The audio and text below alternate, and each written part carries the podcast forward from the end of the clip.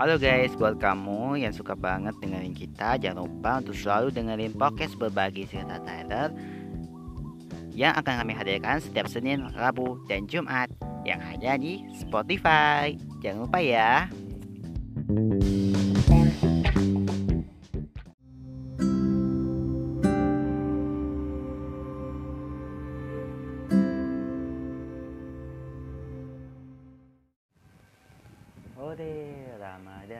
sebentar lagi. Wow kita sudah memasuki bulan Ramadan Halo sahabat semuanya apa kabar? Semua kami harapkan dalam semua keadaan sehat walafiat. Tidak kuat suatu apa pun. Nah selama menjalani ibadah puasa kalian Kami akan menemani Anda selama bulan Ramadan Dengan berbagai informasi, tips and trick maupun gaya hidup dan tentunya dalam segmen podcast berbagi cerita saya edisi Ramadan. Kali ini saya Mardeka Saputra akan menemani kamu selama menjalankan ibadah puasa di bulan yang penuh suci. Nah, episode kali ini kita akan membahas bagaimana sih kita menjaga imunitas tubuh kita selama berpuasa di tengah pandemi seperti sekarang ini. Banyak sekali ya di sekitar kita ada yang lesu, kayak yang tidak bersemangat kalau kita menjaga ibadah puasa. Apalagi tidak lebih seperti saat ini nih. Harus lebih bertenaga dan harus lebih lebih untuk berbuat baik. Nah kita akan mengadakan tips. Kita segmen tips and trick berikut ini. Nah yang pertama ini kita akan buka. Ini adalah ada tiga cara nih menjaga imunitas tubuh selama berpuasa di tengah pandemi. Ya, pandemi COVID-19 yang belum juga usai membuat kita harus meningkatkan kewaspadaan dalam menjaga imunitas tubuh. Lalu bagaimana sih menjaga imunitas tubuh saat harus menjalani puasa di bulan Ramadan selama sebulan penuh? Apakah puasa ini akan mempengaruhi sistem kekebalan? Melansir Cleveland Clinic selama pola makanan dan pola tidur terjaga, puasa justru dapat memberikan banyak manfaat bagi kesehatan. Nah, selain itu puasa juga da disebut dapat membantu meningkatkan mood. Nah, meskipun terasa sulit pada awal ya, setelah beberapa hari ketika tubuh telah menyesuaikan dengan pola makan, minum yang baru, tingkatan endorfin yang lebih tinggi akan dilepaskan sehingga memberikan dorongan pada kesehatan mental. Nah, nah berikut ada tiga cara menjaga imunitas tubuh saat berpuasa di tengah pandemi. Yang pertama adalah menjaga tubuh tetap terhidri, terhidrasi. Nah, jumlah cairan yang dibutuhkan seseorang bergantung pada usia, jenis kelamin, iklim, dan tingkat aktivitas. Kalau orang dewasa nih rata-rata membutuhkan 2 sampai 3 liter air setiap hari.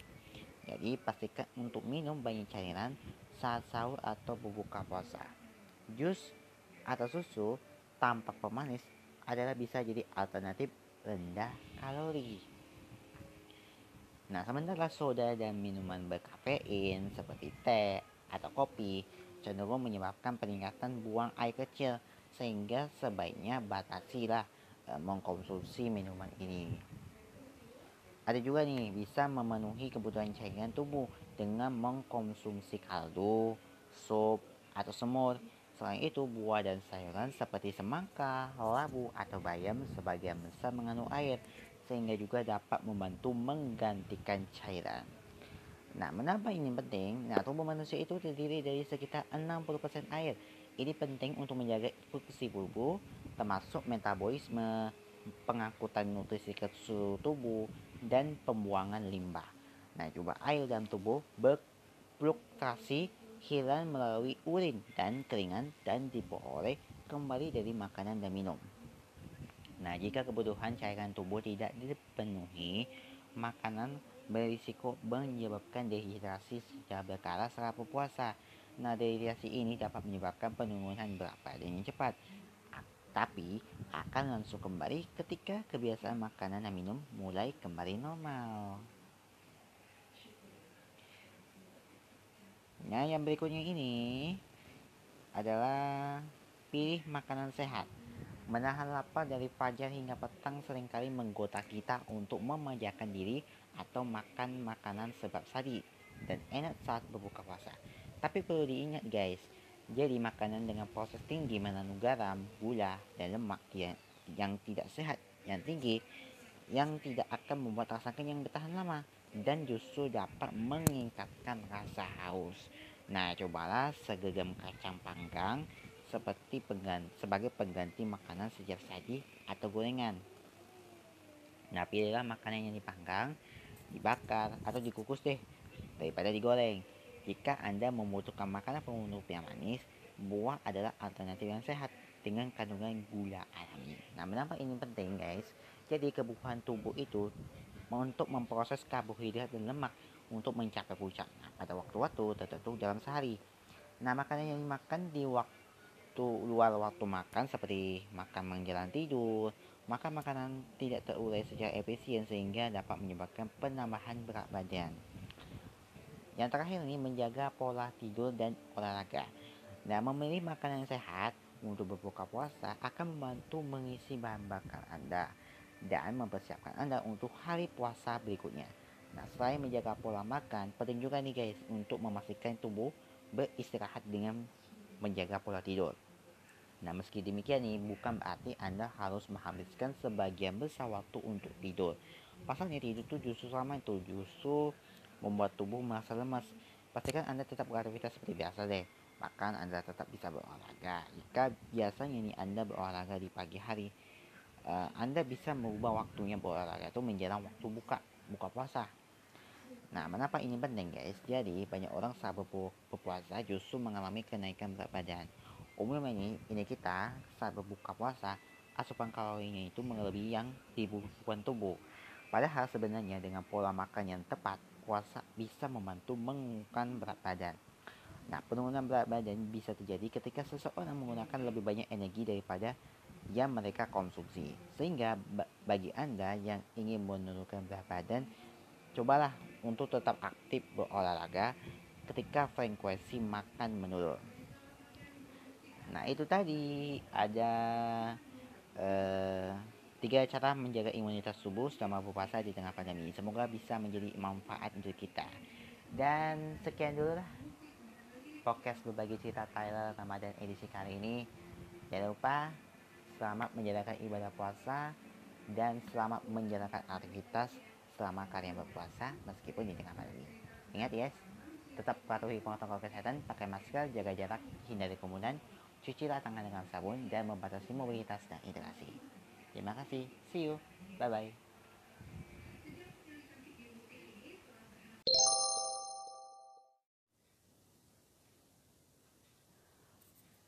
Oke, sekarang kita mulai.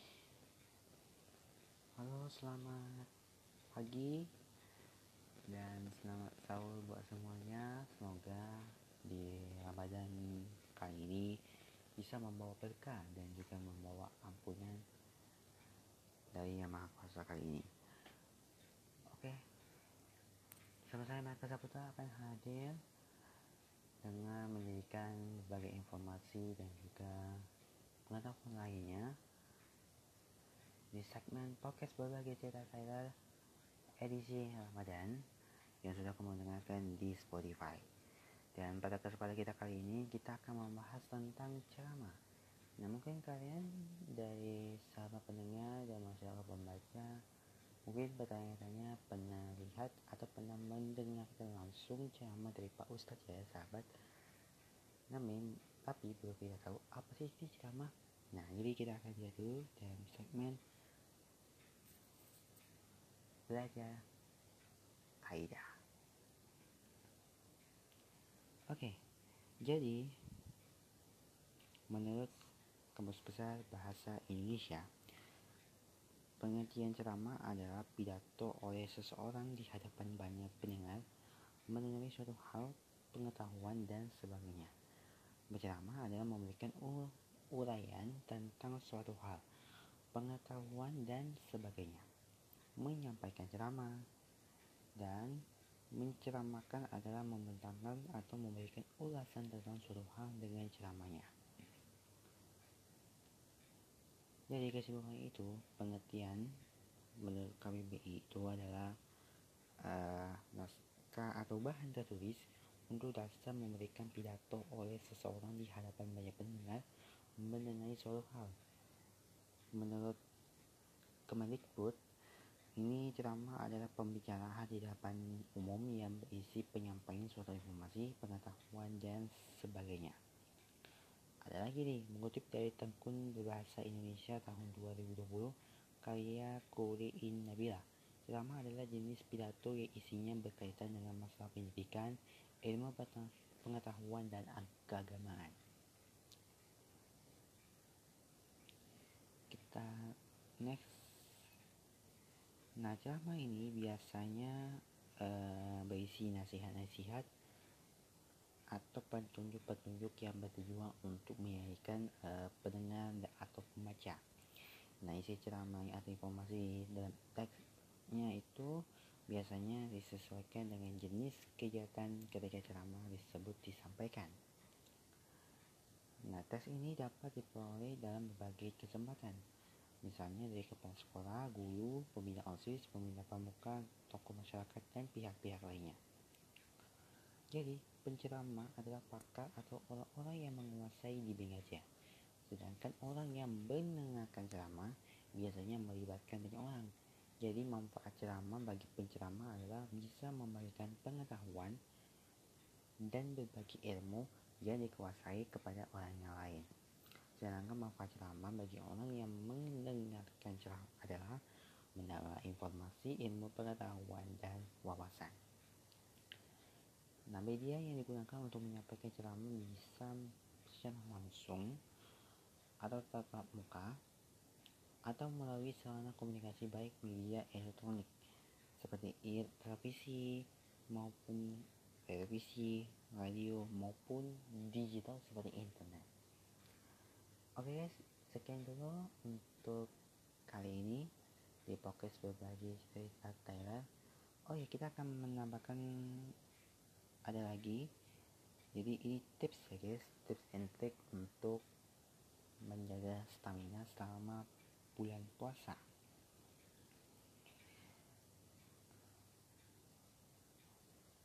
Yang pertama cukup kebutuhan air saat berpuasa, pastikan konsumsi cukup air saat sahur dan berbuka. Air putih yang cukup selama puasa akan menjaga daya tahan tubuh karena dapat mencegah dehidrasi. Untuk mengaturnya perlu minimal 8 gelas air per hari. Terapkan pola 242 yaitu minum 2 gelas air putih pada saat sahur 4 gelas saat berbuka puasa dan 2 gelas sebelum tidur. Yang kedua atur pola istirahat.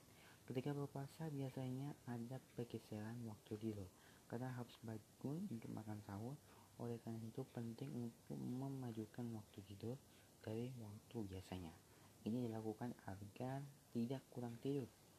Nah, pandai-pandailah dalam mengatur waktu agar aktivitas, ibadah, dan istirahat yang cukup bisa seimbang.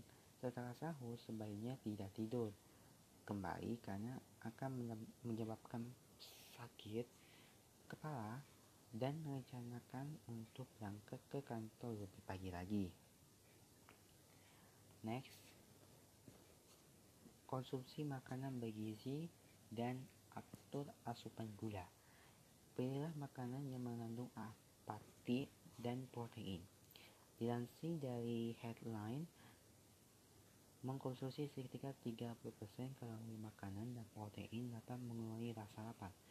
Berbukalah dengan air putih, makanan lemak, dan makanan yang mengandung gula alami untuk memberikan uh, memberikan asupan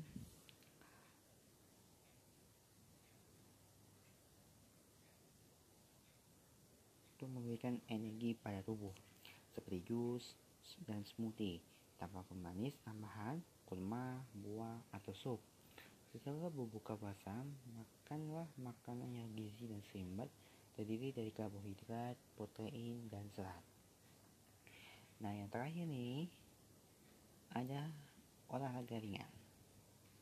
Banyak orang yang beranggapan kalau berolahraga saat berpuasa bisa menyebabkan berat menjadi lelah, pegal-pegal atau lemas.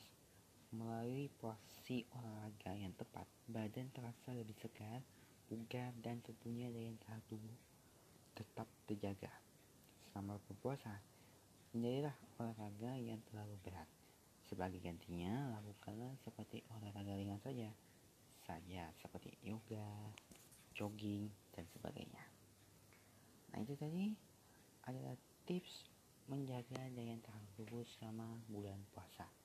Semoga bermanfaat dan terima kasih telah mendengarkan podcast berbagi cerita saya edisi Ramadan. Kita ketemu lagi dalam program Ramadan podcast berbagi cerita Thailand Ramadan episode berikutnya. Sampai jumpa.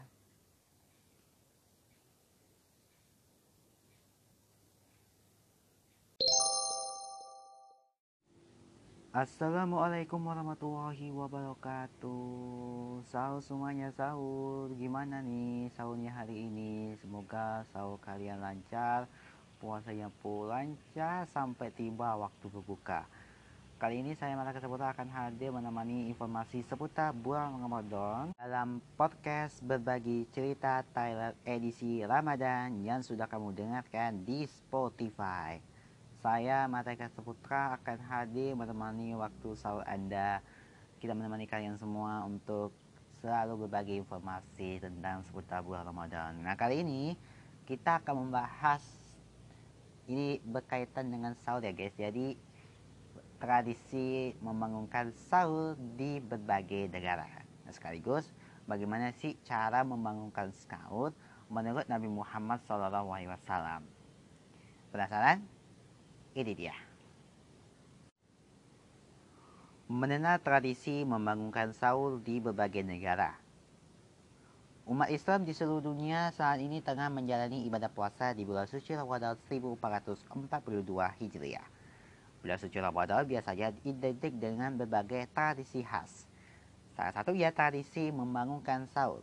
Tidak hanya di Indonesia, beberapa negara rupanya juga memiliki cara uniknya tersendiri untuk membangunkan sahur, untuk membangunkan warganya saat waktu sahur tiba.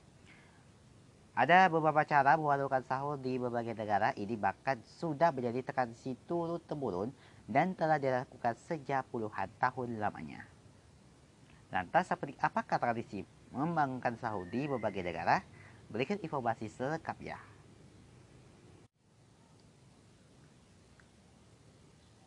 Informasi tradisi memulakan sahur di berbagai negara adalah negara Turki. Pada dasarnya tradisi membangunkan sahur ini hampir seluruh negara sama yakni menimbulkan suara berisik. Namun hal tersebut dibedakan berdasarkan perbedaan budaya di tiap negara.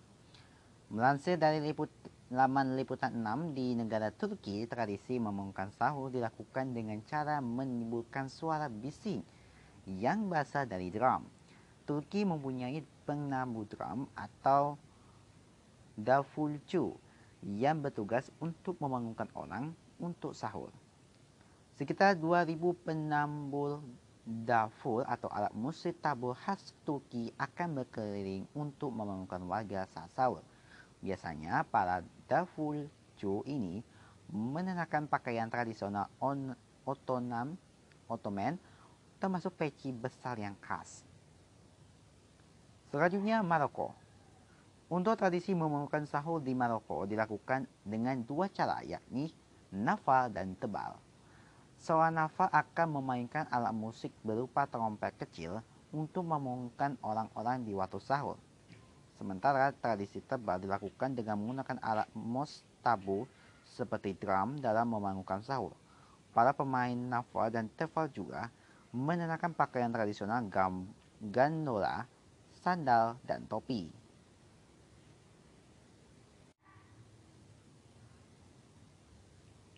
Selanjutnya, negara India. Di India ada kelompok khusus bernama Seweriwas atau Zorinas untuk membangunkan orang sahur. Seweriwas akan berjalan di sepanjang jalan saat menjelang waktu sahur sambil menyanungkan pujian yang ditujukan kepada Allah Subhanahu wa taala dan salawat Nabi. Tradisi ini merupakan bagian dari budaya muhal di zaman dahulu. Bahkan mereka membawa tongkat kayu untuk menutup pintu atau dinding rumah penduduk supaya bangun. Tradisi yang sudah ada ratusan tahun ini terus dilakukan di wilayah yang memiliki populasi, populasi muslim tinggi seperti di Old Delhi. Berikutnya ke Mesir.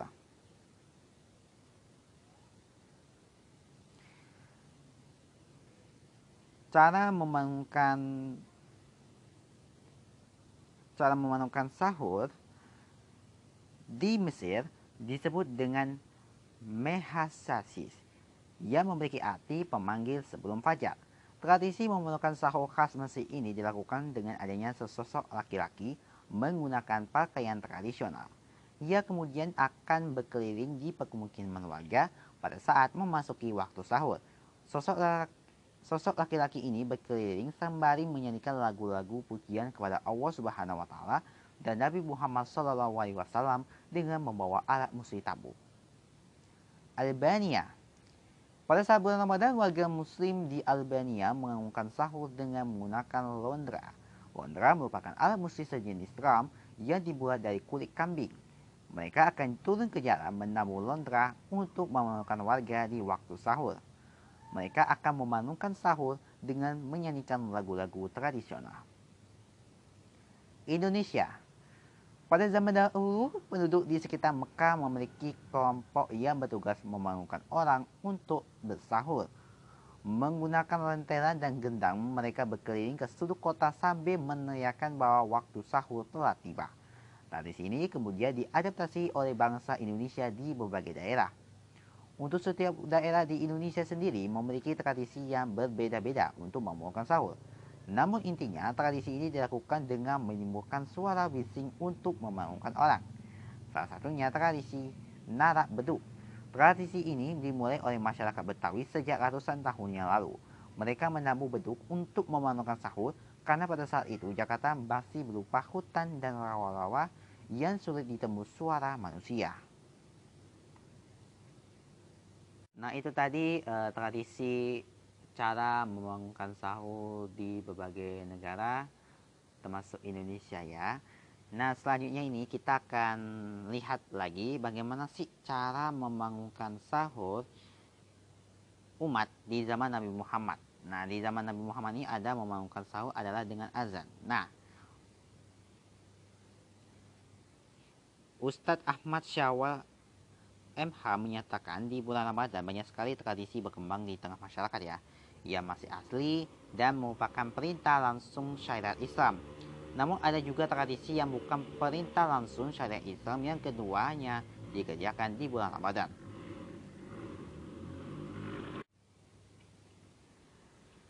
Ustadz Ahmad di dalam bukunya Ramadan antara syariat, syariat dan tradisi menyatakan di antara tradisi itu ada yang hukumnya wajib seperti melakukan ibadah puasa yaitu sendiri. Dan ada yang dihukumnya sunnah, seperti memakan sahur, mempercepat berbuka atau itar, dan memberi makan orang yang berbuka, dan juga sholat tarawih. Ia menuturkan selain yang khusus disunahkan hanya di dalam bulan Ramadan. Juga disunahkan banyak amalan-amalan lain yang disunahkan di bulan, bulan lainnya. Namun bila dikerjakan di bulan dalam bulan Ramadan, maka pahalanya akan menjadi jauh lebih besar seperti di antaranya makan sahur. Nah, tradisi makan sahur dan berbuka puasa adalah tradisi yang punya landasan syar'i yang kuat. Para ulama sepakat bahwa disunahkan bagi mereka yang berniat untuk berpuasa keesokan harinya. Agar malam sebelumnya ia bangun untuk makan sahur. Nah, Ustadz Ahmad menyatakan, adapun dasar rujukan syai tentang disyariahkannya makanan sahur sebelum berpuasa adalah beberapa hadis Rasulullah Shallallahu Alaihi Wasallam berikut ini. Dari Anas radhiyallahu bahwa Rasulullah Shallallahu Alaihi Wasallam bersabda, makan sahurlah karena sahur itu barokah. Hadis riwayat Bukhari dan Muslim. Di sisi lain, ah dari Abu Zahar al Ghifari radhiyallahu anhu Rasulullah SAW bersabda, umatku masih dalam kebaikan selama mendahulukan buka puasa dan mengakhirkan sahur. Hadis riwayat Ahmad. Terus Ibnu Majah Mintalah bantuan dengan menyantap makan sahur agar kuat puasa di siang hari. Dan mintalah bantuan dengan tidur sejenak siang agar kuat sholat malam. Hadis riwayat Ibu Majah. Sementara itu dari hadis Abi Syahid Al-Qudi radhiyallahu anhu bahwa Rasulullah SAW bersabda, "Sahur itu barokah, maka janganlah kalian tindakan meski hanya dengan seteguk air sesungguhnya Allah dan malaikatnya bersalawat kepada orang-orang yang sahur. Hadis riwayat Ahmad.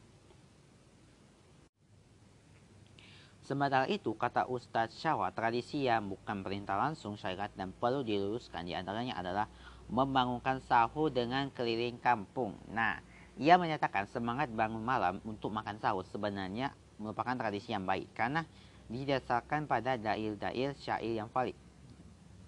Namun, kadang muncul tradisi bawaan yang bersifat sifatnya lokal. Misalnya kebiasaan sementara e, karena untuk berkeliling, orang memanfaatkan sahur itu dengan membawa berbagai macam bunyian-bunyian. Barangkali kata dia niat mulia yaitu membangunkan orang agar tidak kesiangan makan sahur. Nah, akan tetapi kalau kurang hati-hati dalam pengasananya, ada kalanya tradisi itu bisa berubah menjadi makruh bahkan sampai ke titik haram.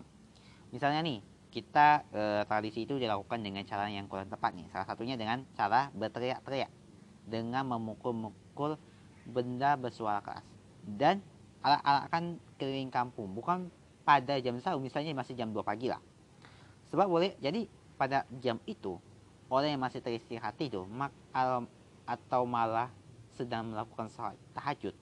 Kalau diganggu dengan suara-suara seperti itu maka niatnya baik membangunkan orang makan sahur berubah menjadi kegiatan mengganggu orang tidur dan orang yang sedang beribadah.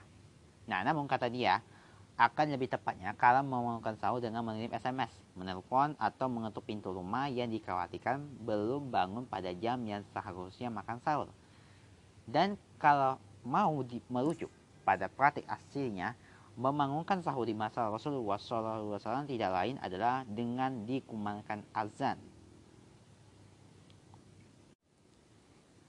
Nah, perlu diketahui bahwa di masa Rasulullah SAW ada dua kali azan pada saat menjelang terbit fajar, azan yang pertama bukanlah azan yang mengenalkan datangnya waktu subuh. Nah, sebagian ulama menyebutkan bahwa azan ini adalah salah satu fungsinya membangunkan orang untuk sholat malam atau untuk makan sahur. Sedangkan azan bertanda masuknya waktu subuh dilakukan setelah terbit fajar, yaitu azan yang kedua. Nah, itu tadi uh, cara memenuhkan sahur umat di zaman Nabi Muhammad. Semoga menjadi inspirasi dan bisa diperhatikan dalam kehidupan kita sehari-hari ya. Nah, kita sudah membahas nih tentang tradisi unik memenuhkan sahur di beberapa negara juga sudah cara memenuhkan sahur umat di zaman Nabi Muhammad sudah. Nah, semoga kisah-kisah ini bisa menjadikan wawasan Anda untuk berbagi kisah inspirasi. Nah, sampai sini dulu podcast berbagi cerita Tyler episode kali ini. Kita jumpa lagi dalam podcast berbagi cerita Tyler episode selanjutnya yang akan menarik seputar bulan Ramadan. Sampai jumpa. Wassalamualaikum warahmatullahi wabarakatuh.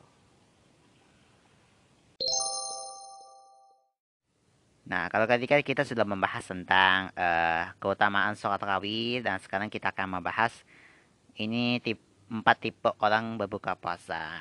Nah, kamu yang mana? Nah, di tengah pandemi virus corona yang terjadi saat bulan Ramadan, ada teman kita ini memperhatikan empat tipe orang berbuka puasa.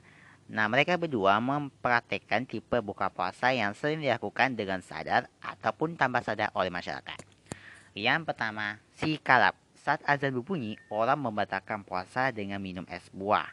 Dengan terburu-buru dan mengunyah makan secepat kilat. Belum habis makan di tangan kanan, langsung tangan kiri menyambar makanan lain. Ya, itulah. Tipe kedua, si soleh dan soleha. Saat azan berbunyi, mereka mengucapkan syukur kepada Allah dan meminum air putih dan makan kurma. Lalu melakukan salat bersama. Tipe ketiga, si miskom.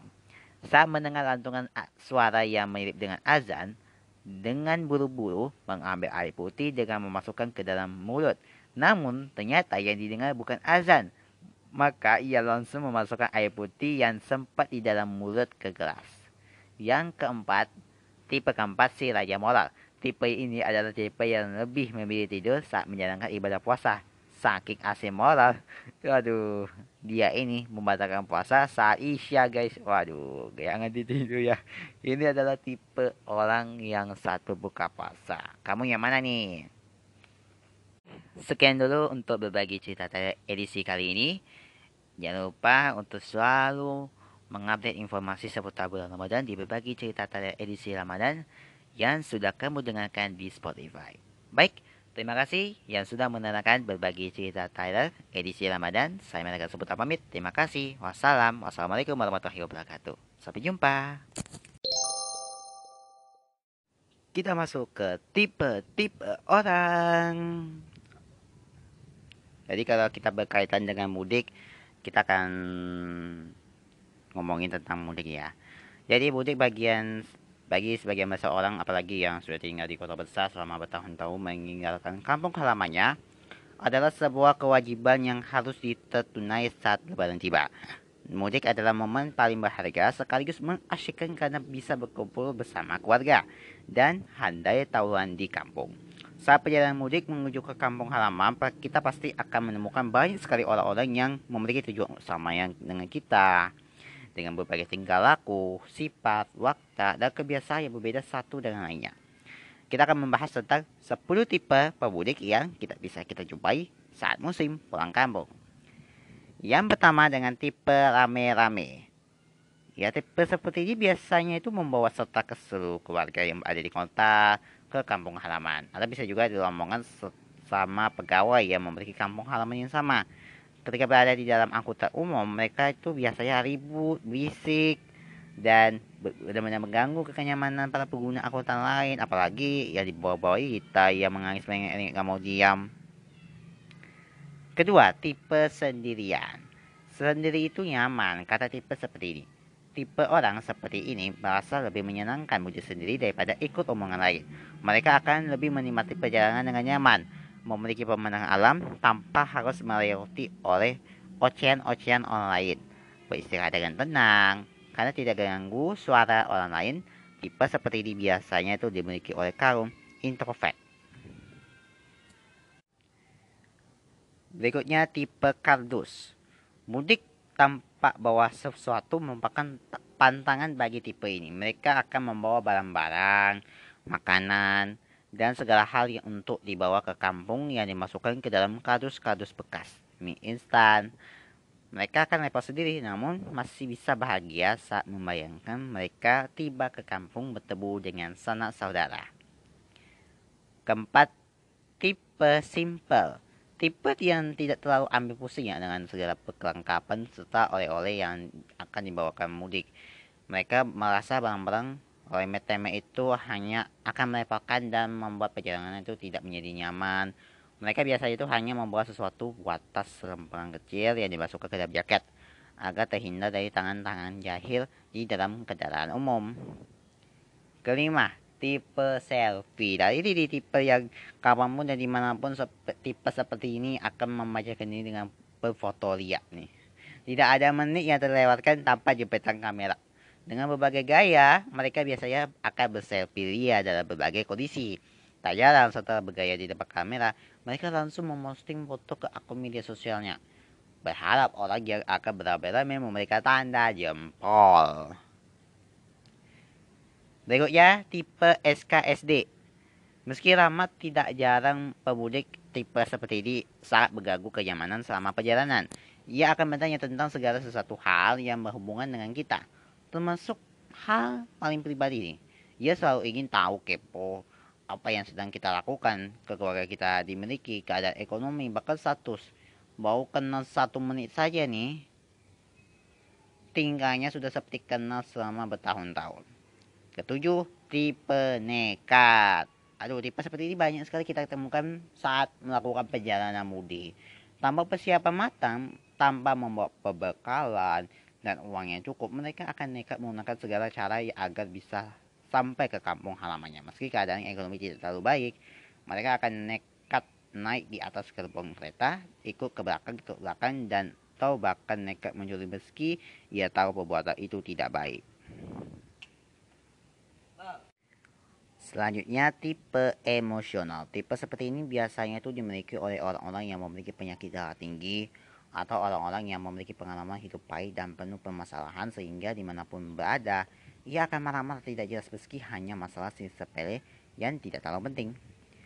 Tipe aman dan nyaman. Tipe ini biasanya dimiliki oleh keluarga kaya dan orang-orang berpandang. Saat mudik mereka akan memakai mobil pribadi atau melakukan rental mudik dengan memberi waktu saat jalan raya tidak terlalu padat. Tipe ini benar-benar mempersiapkan segala keperluan mudik dengan terencana. Keamanan dan kenyamanan bagi mereka adalah hal yang paling utama ketika berada dalam perjalanan mudik. Nah, yang terakhir ini yang bikin saya uh, nyerek ini gini. Tipe gratisan. Tipe yang paling banyak dimiliki oleh anak sekolah atau anak kuliah yang merantau di luar kota atau masyarakat kurang mampu di pinggiran kota. Karena belum memiliki penghasilan, mereka biasanya memanfaatkan program pemerintah mudik gratis agar pengeluarannya bisa dibayari oleh pihak luar. Nah itu tadi adalah tipe-tipe orang pemudik yang kadang bikin geregetan. Jangan lagi mudik, hati-hati di jalan ya.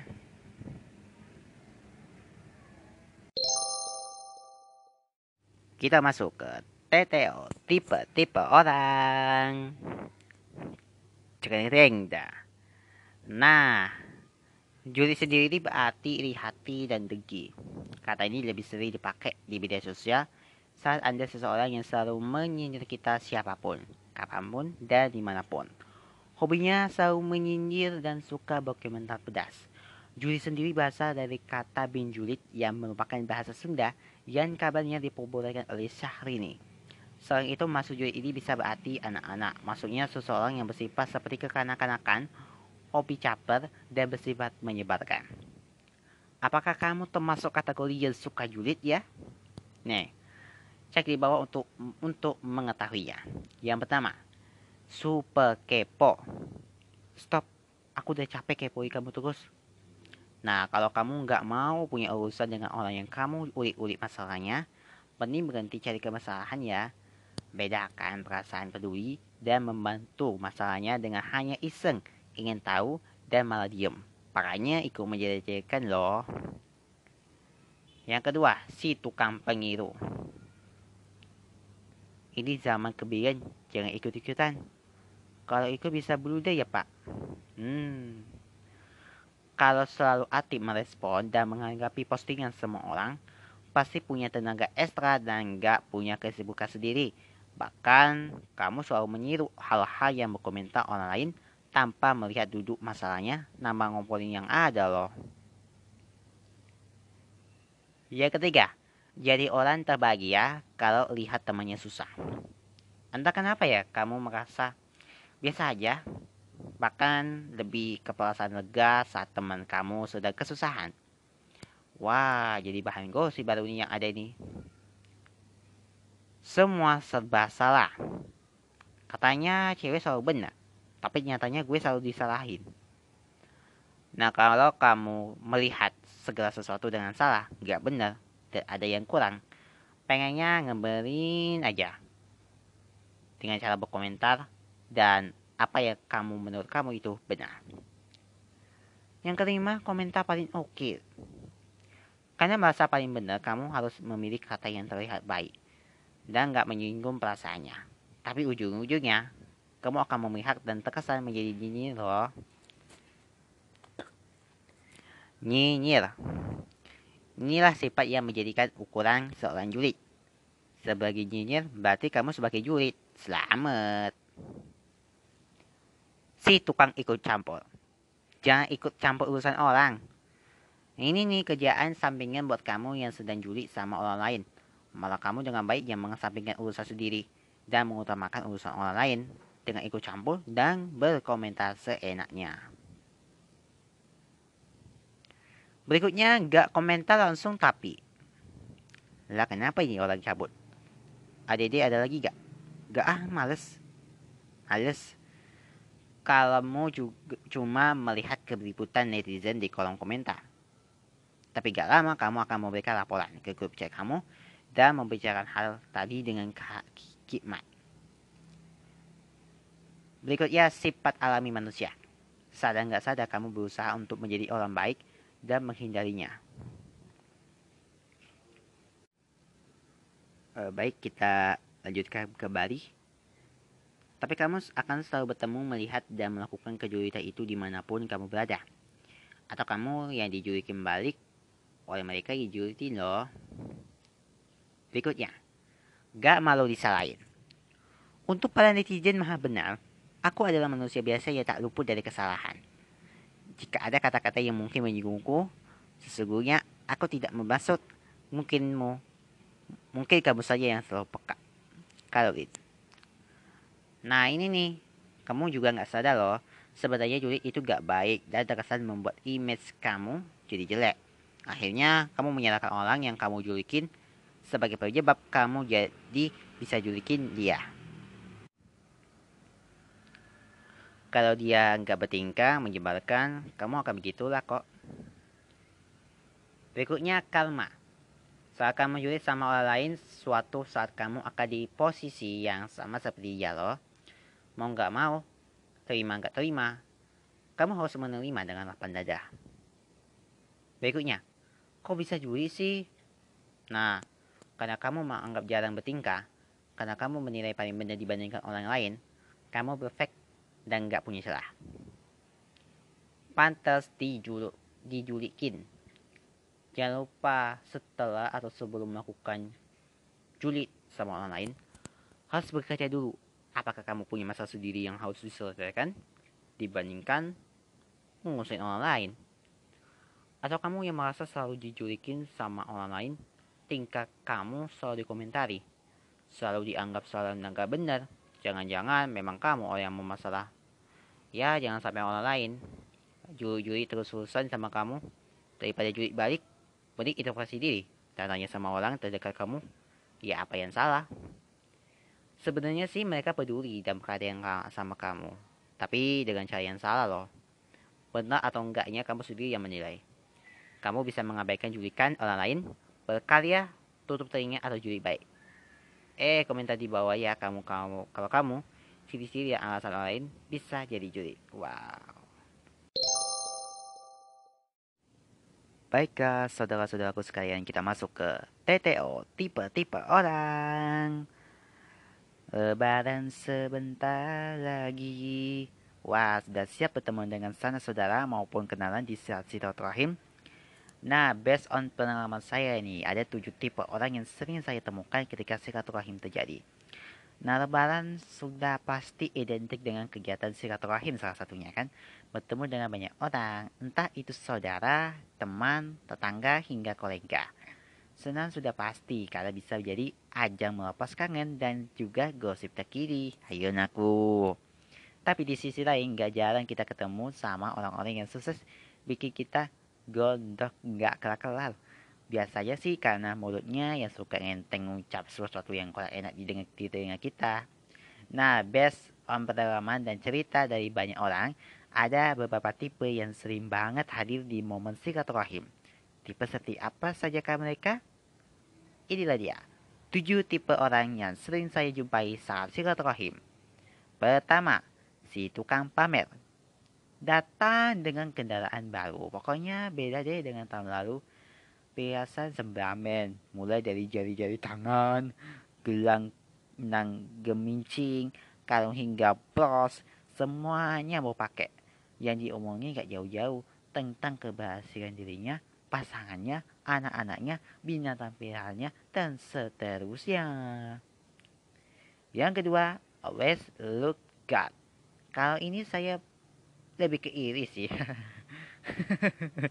Karena tipe seperti ini gak peduli mau setelah apa pun atau sepadat apa pun jadwal silaturahim. Kok koknya tetap kecil badai sih. Make up on, baju tetap rapi, jalil Lipstick gak pernah berubah jadi lipner. Wow. Berikutnya si populer. Atau disebut juga dengan si populer. Ini biasanya sih masuk ke dalam golongan orang-orang yang menyenangkan. Orangnya santai tapi tetap sopan. Bahasa basinya pas, nggak lebay, sehingga berkesan kayak orang kepo maupun juga nggak terlalu irit, kata sehingga dianggap sombong. Semua orang merasa nyaman berada di dekatnya dan kehadirannya memberikan suasana gembira. Ya, semoga kita masuk ke dalam orang golongan orang-orang semacam ini ya. Hehehe. Si mulut enteng. Mulutnya enteng banget kalau ngomong, tanpa merasa perlu nyorotin kalimat-kalimat yang keluar. Kok gak naik pesawat aja pulangnya? Naik mobil kan macet, lama, capek lagi. Kok udah lebahan lagi masih belum punya anak? Wah, patut dipertanyakan nih siapa yang bermasalah. Kok anaknya nggak boleh makan es sih?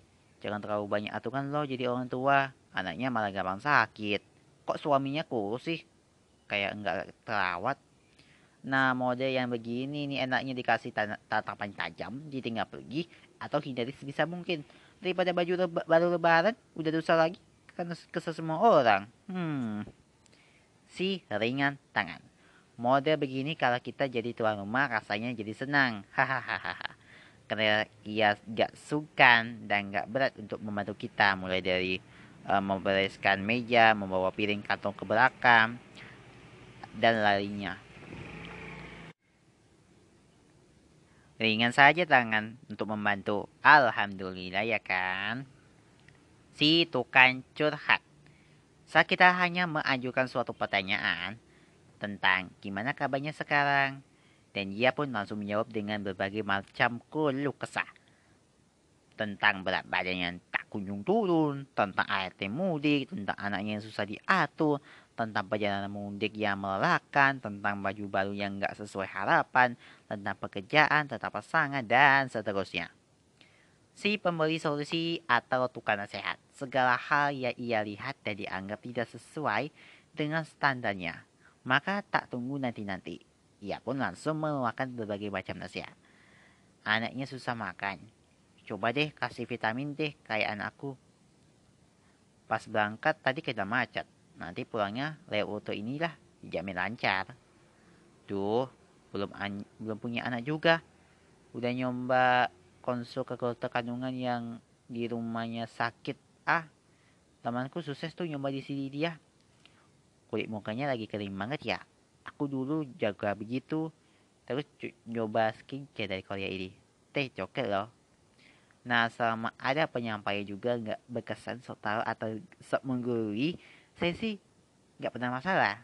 Lumayan kan dapat masukan gratis nah itu tujuh orang yang sering kita jumpai ketika silaturahim kalau sendiri sih bagaimana datang pas ke acara silaturahim keluarga besar deh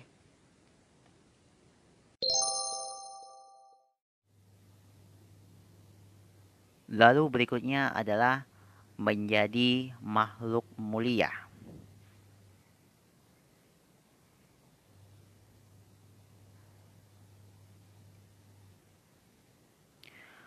Manfaat silaturahim lainnya yaitu dapat menjadikan kita sebagai makhluk yang mulia.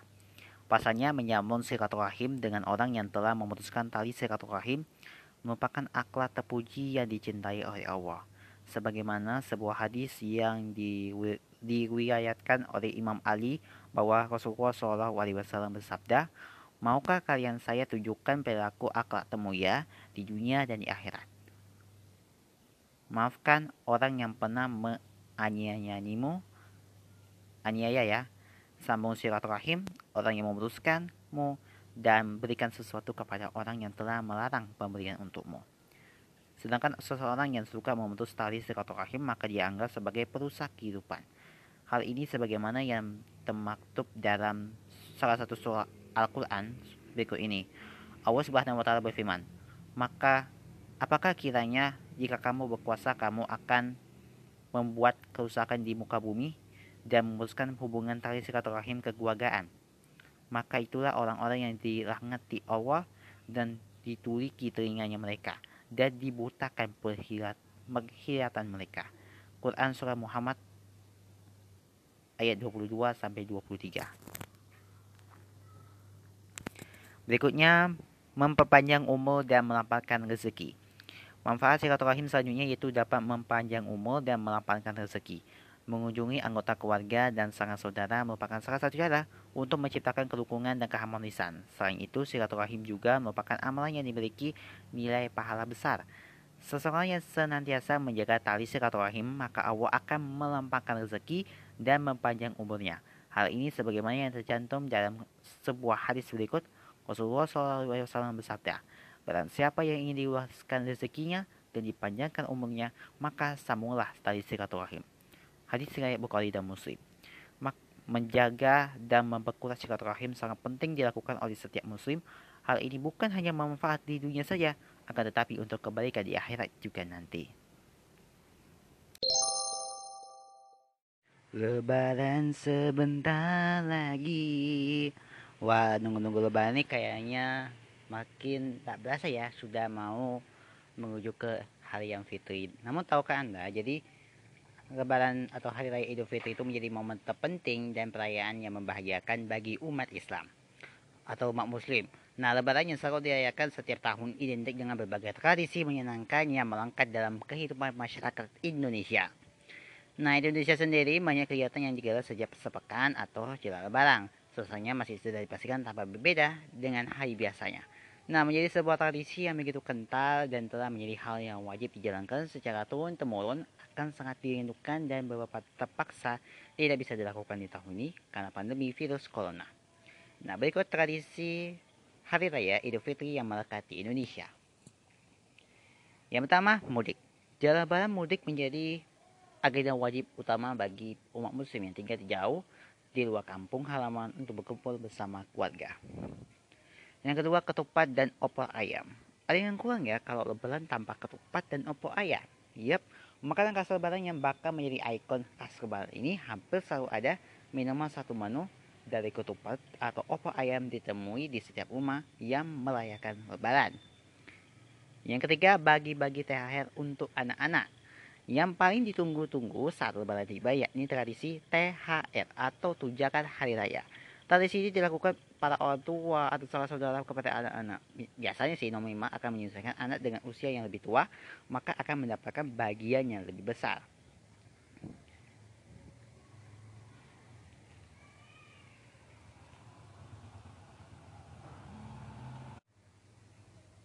Nah, berikutnya ini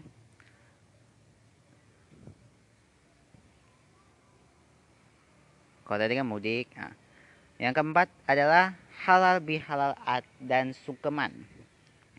Nah, Idul Fitri adalah hari kemenangan setelah berpuasa selama satu bulan penuh. Karenanya ya, hari Idul Fitri merupakan hari perayaan bagi umat Islam.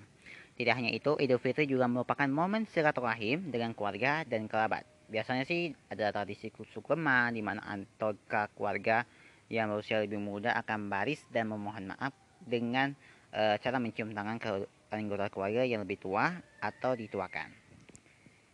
Berikutnya, baju lebaran. Sebetulnya sih pada hari raya lebaran kita tidak seharusnya menggunakan baju baru. Cukup gunakan baju yang terbaik yang harus kita miliki, bersih dan rapi. Namun tradisi ini berkembang sehingga hari raya lebaran identik dengan baju baru. Maka tak heran bila pusat-pusat perbelanjaan akan begitu padat penghujung mulai dua minggu sebelum hari raya lebaran tiba.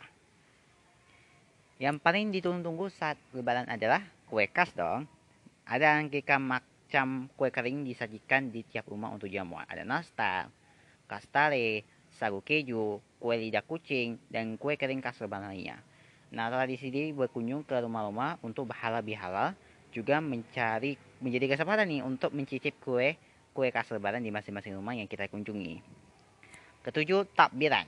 Tradisi ini menggunakan takbiran pada malam sebelum Hari Raya Idul Fitri alias takbiran sih biasanya dilakukan di masjid-masjid maupun anak arak-arakan keliling di kampung dengan membawa beduk. Tradisi ini dilakukan oleh para pria dewasa maupun para anak-anak. Nah, hal ini dilakukan untuk meramaikan perayaan lebaran. Nah, yang terakhir adalah ziarah. Satu lagi nih tradisi yang tidak dilakukan keluarga di hari raya Idul Fitri yaitu ziarah. Ini biasanya dilakukan keluarga yang sudah kehilangan anggota keluarga dekat mereka. Nah, biasanya sih hal ini dilakukan selepas Idul, sholat Idul Fitri dan atau di pagi hari lebaran pertama. Orang-orang akan menalangi pengalaman dan membacakan doa bagi keluarga yang juga kerabatnya yang telah pergi meninggalkan dunia. Itu tadi 8 tradisi Hari Raya Idul Fitri yang melekat di Indonesia.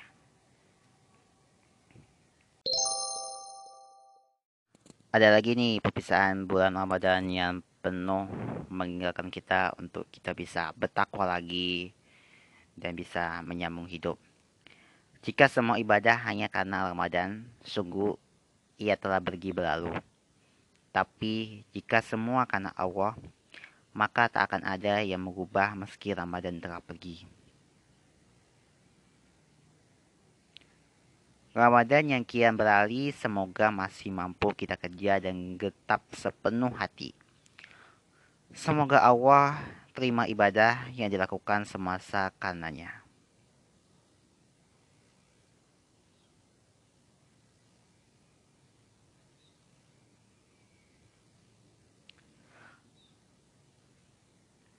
Jika semua ibadah hanya karena Ramadan, sungguh ia telah pergi berlalu. Tapi jika semua karena Allah, maka tak akan ada yang berubah meski Ramadan telah pergi. Hari-hari Ramadan terus berlalu. Apa yang kita perbuat? Hari-hari tetap berlalu jika kita mengisi hari-hari akhir Ramadan dengan ibadah, kita sendiri yang akan merasakan manfaatnya. Ramadan terus berlalu, masih ada waktu untuk terus membaiki diri. Karena belum tentu di tahun yang akan datang kita dapat menemuinya kembali. Dalam niatku berharap hati kian penuh punah lalai akan nafsu dunia. Ramadan yang aku nanti kini penghujung tiba dengan kosongan hati begitu. Berlalu begitu.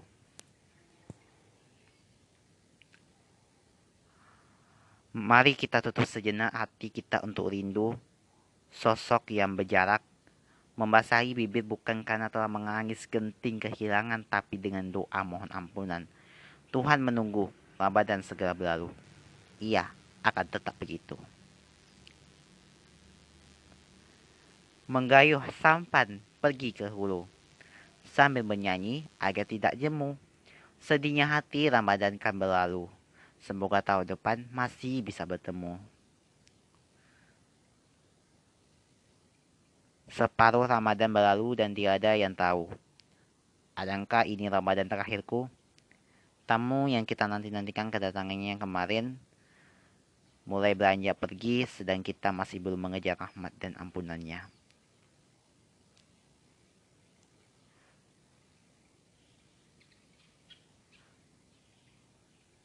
Astagfirullah. Amalan kita belum tentu diterima dan kita belum tentu dapat berjumpa di bulan Ramadan di tahun depan selanjutnya. Dan yang sudah pasti dua hari lagi Ramadan akan segera berlalu. Tak terasa Ramadan sudah mau pergi. Semoga kita bisa semua bisa mengobati sisa luka yang ada di hati. Memaafkan semua yang telah menyakiti Mengikhlasan yang sudah pergi, semoga Allah memberikan yang terbaik dalam hidup ini. Tak terasa kita sudah berada di penghujung bulan Ramadan. Semoga kita semua bisa dipertemukan dengan Lailatul Qadar dan tetap bisa istiqomah dalam kebaikan selepas Ramadan. Amin. Mari kita semangat beribadah, tebarkan kebaikan di segala arah agar hidup jadi berkah. Ramadan akan pergi jauh meninggalkan kita entah untuk sementara atau selamanya. Apa pun itu sudah takdirnya dan tugas kita hanya menjalani, menerima dan berserah saja pada yang ketetapnya. Janganlah engkau menangis atas kepergian Ramadan karena Ramadan pasti akan kembali. Akan tetapi menangislah engkau karena takut ketika Ramadan kembali kau telah pergi ke alam kubur. Ketahuilah bahwa bulan kalian terus berkurang, maka bertambahlah frekuensi amalan kalian.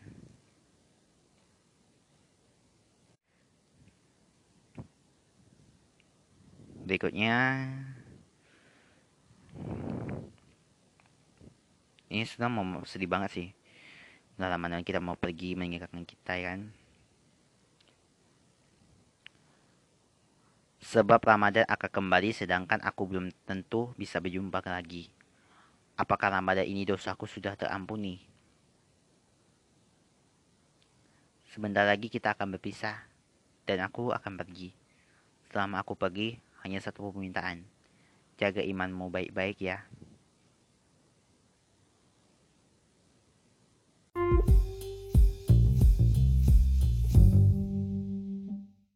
Berbagi cerita Tyler hanya di Spotify.